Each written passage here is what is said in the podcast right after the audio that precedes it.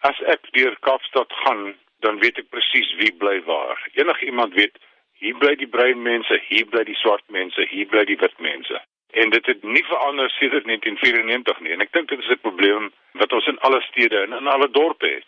Nou ek weet dit is 'n baie taai tameleke hierdie want jy weet mense se huise is hulle mees kosbare besittings, is hulle grootste besteding wat hulle het. En dit is ook net meer as net jou eiendom is, dis waar jy woon, dis jou onmiddellike omgewing, dis amper deel van wie jy is. Ons moet nou die ander werklikheid in die oë staar en dit is 22 jaar nadat apartheid amptelik beëindig is. Bly ons maar min of meer so apart soos tevore.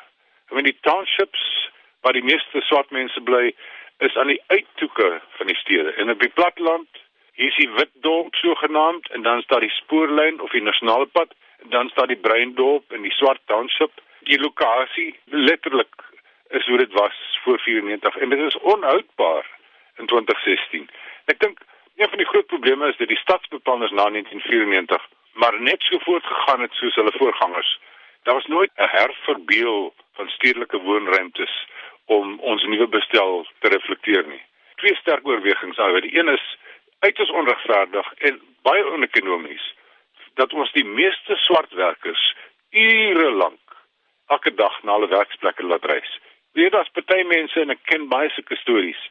Mense wie se werksdag 4 ure langer is omdat hulle moet reis. Hulle staan 5 uur, 4 uur in die môre op, kom 10 uur in die aand by die huis aan omdat hulle 20, 30, 40, 50 km van hulle werkplek af bly. Maar die ander oorweging vir my is is amper belangrik en dit is hierdie segregasie, residensiële segregasie wat ons het, is 'n baie ernstige ondermyning van enige projek om die idee te bevorder dat Suid-Afrikaners een nasie is met 'n gedeelde toekoms en en ek sien dit as 'n voorvereiste vir stabiliteit. Ons stabiliteit is juis op die oomblik aan die wankel. Stabiliteit is die voorvereiste vir vooruitgang, vir vrede, vir naasbestaans ekonomiese groei en terwyl ons so strak apart van mekaar bly, gaan ons nie daarby uitkom nie. Die presie land sit letterlik met miljoene jong swart en bruin Suid-Afrikaners vir wie die oorwegend wit middelklas woonbuurte steeds 'n vreemde wêreld is. Waar glo ek baie dringend nuwe stede en nuwe dorpe moet herverbeel. En as net een manier om dit te doen, Ons kan nie wag vir die sogenaamde markte en vraag en aanbod en natuurlike seleksie. Ons moet daai goed, hoe relevant dit ook al mag wees, voorlopig eenkant skuif en ons moet voortaan sorg dat alle nuwe ontwikkelings gemengde behuising gaan verskaf.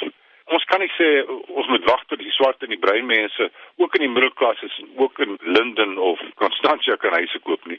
Die ou argumente tel nie en dit is 'n komplekse ding. Dit is 'n baie komplekse ding en ons moet dit met groot sensitiwiteit en oorlegpleging doen, maar ons moet ons na samelewing nou begin normaliseer. Die rede waarom ons so apart woon, is nie weens markkragte en natuurlike goed. Dit is weens die afgeforseerde wette van apartheid. En daarom moet ons dit met 'n aktiewe plan teestaan. Ons kan nie net wag dat dit normaliseer in die volgende 200 jaar nie. Maar apartheid nalatenskap kan tog nie oornag uitgewis word nie, of hoe? My spesifieke voorstel vir Kaapstad was daar's groot stukke grond waar eisterplaat is, die militêre lughawe wat nie meer daar hoort nie. Dit sluit aan by Kolenborg en dit sluit weer aan by Oude Molen daar by Pinelands en dit is 'n paar honderd hektaar en daar kan tienduisende families gevestig word. Dit is baie naby aan die middestad baie naby aan die spoorlyn, dis baie naby aan die snelweë en ek stel voor dat die staat self eerder as private ontwikkelaars, die staat self of die provinsie of of die stadsraad van Kaapstad daar die waardevolle eiendom ontwikkel in gemengde woonbuurte. Met ander woorde, jou ryker mense met die mooier uitsig, jou middelklashuise, jou bekostigbare huise en dan huise vir mense wat sê net maar minder as R3000 'n maand verdien. En, en mense skrik hulle mos dood as jy dit sê, maar dit gebeur in ander plekke in die wêreld. Daar's ander stede waar waar hierdie modelle baie goed werk en en dit bring 'n normalisering. En die voorvereiste is natuurlik net die munisipale regulasies moet baie streng toegepas word dat mense nie slimvorming kry en dat die mense nie 'n toename in misdaad kry nie. Maar hierdie is 'n projek hoe hoe ernstig mense ook al beswaar maak mense moet dit in die oë kyk. Dis nie iets wat ons langer kan uitstel nie.